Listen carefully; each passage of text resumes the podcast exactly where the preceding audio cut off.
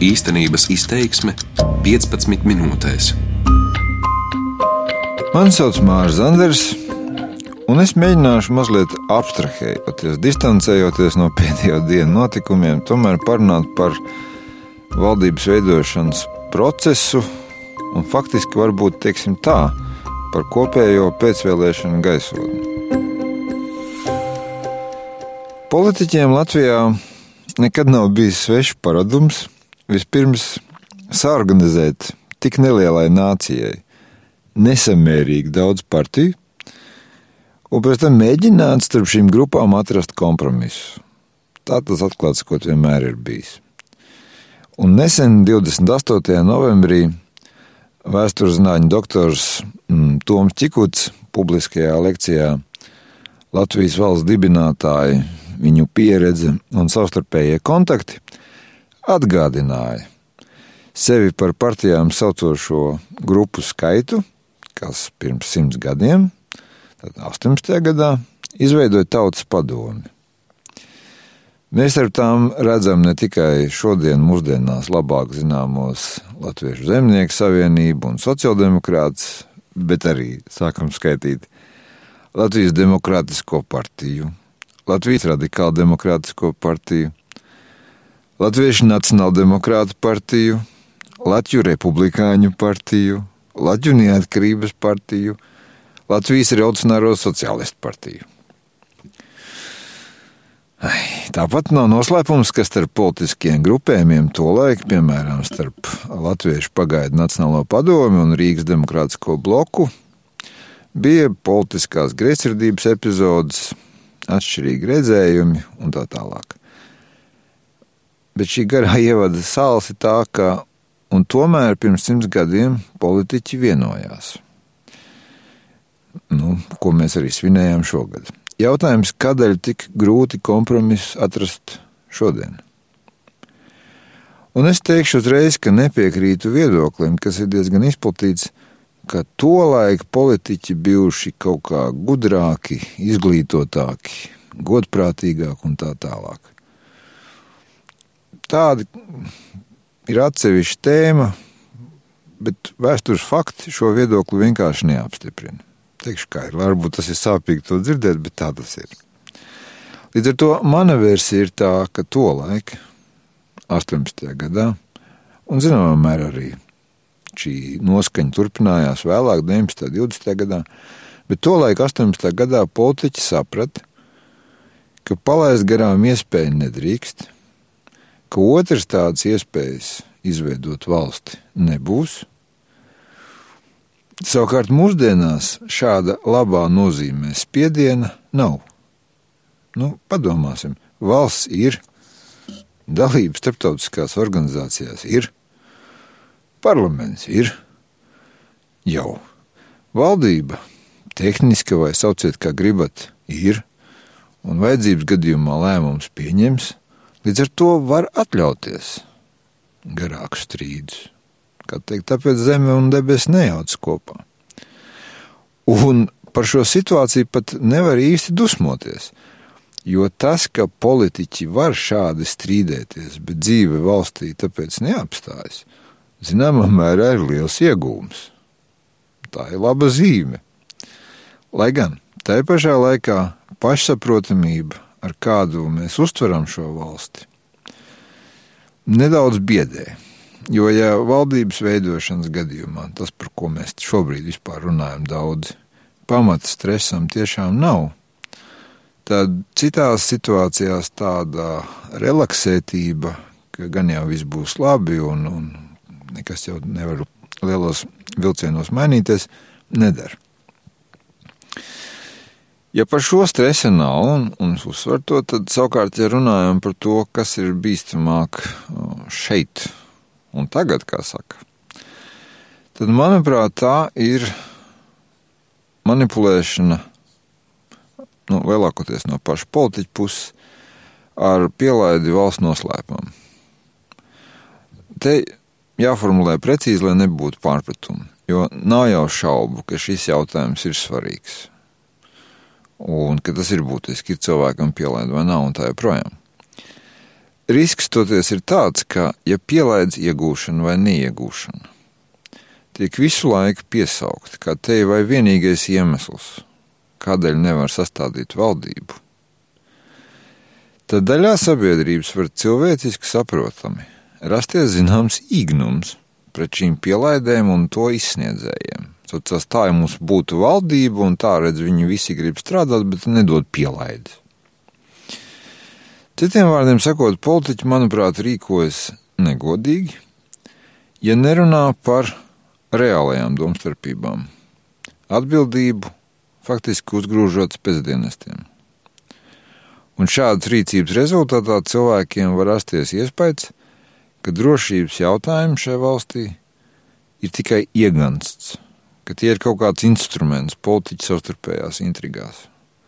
Un lūk, šāda iespēja veidošanās gan būtu bīstama. Un tikpat bīstams un aplams būtu priekšstats, ka lūk, ar spēcdienas rokām mūsu iekšpolitikā jautas partneri no NATO vai Eiropas Savienības un tā tālāk. Gribu uzsvērt, ka partneri respektē iekšpolitiskos procesus dalību valstīs un var arī to samērā vienkārši pierādīt. Kas varbūt būs nelielā pretrunā ar, ar daudz piesaukto tēzi, ka, ja kādam neiedos pielaid, tad NATO ar mums nedalīsies ar, ar, ar noslēpumiem un tā joprojām, bet nu, tā nav mana problēma. Es vienkārši gribu atgādināt, ka Čehijā, Slovākijā un Ungārijā šobrīd pie varas ir politiķi, kurus ir zināms pamats uzskatīt par tiešām simpatizējošiem Krievijai. Vai NATO ir mēģinājusi savulaik kaut kā novērst viņu nākšanu pie varas, piedraudot, teiksim, sliktākām attiecībām? Nav. Divas ietekmīgas NATO dalībvalstis, ASV un Turcija, vēl nesen bija te vai uz ekonomisko sankciju karas liekšņa. Vai tas nozīmē, ka amerikāņi nerespektē Turcijas vēlētā izvēli?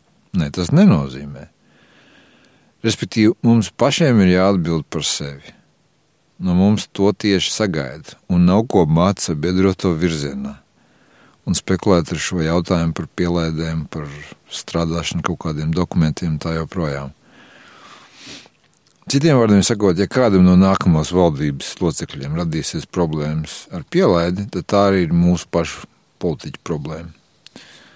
Un tās nav jāmeklē vainīgi kaut kādos pārāk stingros noteikumos, ko ir izstrādājis, nezinu, NATO vai Eiropas Savienība vai dievzin kas vēl. Es pieminēju, ka politiķi rīkojas negodīgi, visu laiku piesaucot šo pielaižu jautājumu un runāt par reālām domstarpībām, kādēļ viņiem neizdodas izveidot valdību. Un te, protams, var jautāt, nu labi, bet kas tad ir šīs reālās domstarpības, kas tiek slēpts? Es teikšu atklāti, ka es negribu izlikties gudrāks uh, par šo jautājumu nekā, nekā esmu. Es nezinu. Es varu tikai nojaust. Piemēram, viens no iemesliem, kādēļ ir tik grūti izveidot valdību un kādēļ politiķi sarunvedēji viens otram tā neusticās, ir tas, ka man tā šķiet, pieņemsim, ka es to nosapņoju, ka, protams, no dažādu partiju puses ir bijuši mēģinājumi jau lai gan nu, kopš vēlēšanām nav pagājis daudz laika, ir bijuši mēģinājumi, piemēram, šķelt kādas citas partijas, mēģinot, teiksim, noskaņot sev par labu kādu šīs citas partijas vai pēc ko citas frakcijas saimā locekļus. Un, protams, ka tad, kad tas nāk klajā, nu, ka pat uzzina šīs partijas vadītāji vai līderi, tad, protams, ir spāls pa gaisu un, un tas rada aizvainojumu un tā joprojām. Šajā ziņā, manuprāt, cik es esmu nosapņojis, grēko visas iesaistītās partijas, kuras viss ir mēģinājuši iztaustīt vājos punktus, nu, teiksim, caur svītriņu partneru konkurentu rindās. Tas varētu būt viens iemesls, kas sagandē gaisotni, un, protams, arī tas, ka nu, kā lai pasaka, jautājums jau vienalga agri vai vēl ir par ne tikai ietekmes sfēru un resursu pārdali, nu, kas būtu tas saprotamākais, bet tas, ir vēl tāds interesants jautājums, ka ja mainās spēlētāji politiskajā laukā, tad, protams, jautājums ir, kāda ir attieksme pret iepriekš sastrādāto, sadarīto, pārdalīto un tā joprojām. Vai tas tiek atstāts spēkā, vai notiek kaut kādas pārmaiņas, citiem vārdiem sakot, nu, kā lai pasakā, ir ļoti smagi sarunāt par to, vai iepriekš lemtais tiks pārskatīts vai nē. Un es domāju, ka daudzos jautājumos tā ir tā galvenā problēma, ne tik daudz tur pielēdz un kaut kas tam līdzīgs. Bet, nu labi, vai ilgušajā valdības veidošanas procesā ir arī kādi ieguvumi?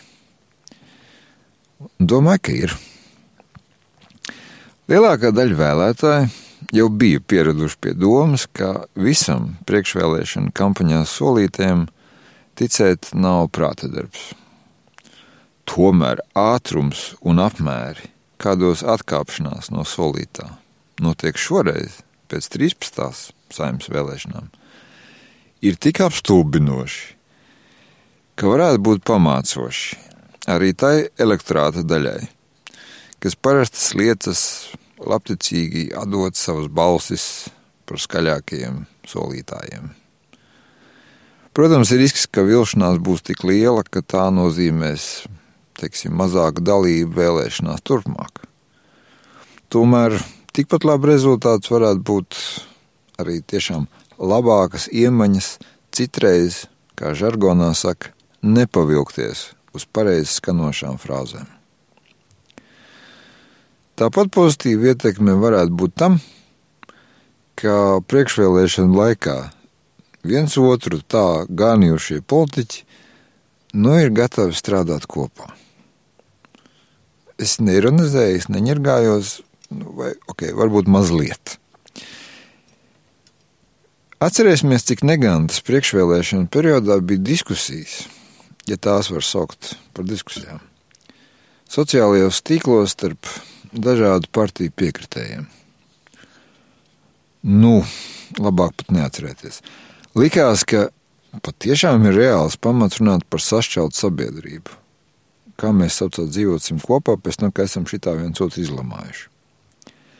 Klau, redzot, kāds tas viss no politiķa puses lielākoties ir bijis teātris, vēlētājiem mums nav vairs iemesla ar putām uz lūpām uzbrukt oponentiem. Jo dārgie līderi taču to vairs nedara, vai ne? Jā, tas, protams, ir sāpīgi un jāatzīst, ka daļa no mums visu šī rezultātā var justies piemānīti, un tas nav nekas labs. Tomēr, ja tāda ir cena par normālām, bez histērijas attiecībām starp vēlētājiem, starp tas, ko sauc par ierindas cilvēkiem, tad šo cenu, manuprāt, ir vērts maksāt. Priekšvēlēšana periodā politiķi manipulēja ar cilvēku sarūktinājumu, bailēm. Es teiktu, tā salīdzinoši nepieredzētā līmenī. Savukārt, tagad, kad manipulēšanas fakts vairs nav noslēpjams, kad mēs redzam, kas patiesībā notiek, ir arī iespēja apzināties, ka vēlēšanās ir jāpiedalās, par politiku ir vērts interesēties bet nekad nav vērts pašiem kļūt par manipulācijas mehānismu sastāvdaļu, iesaistīties šajās spēlītēs. Un nekad nav vērts politikas vārdā, kaut verbālā līmenī, uzbrukt saviem līdzcilvēkiem. Darbības vārds īstenības izteiksmē izsaka darbību kā realitāti, tagadnē, pagātnē vai nākotnē, vai arī to noliedz.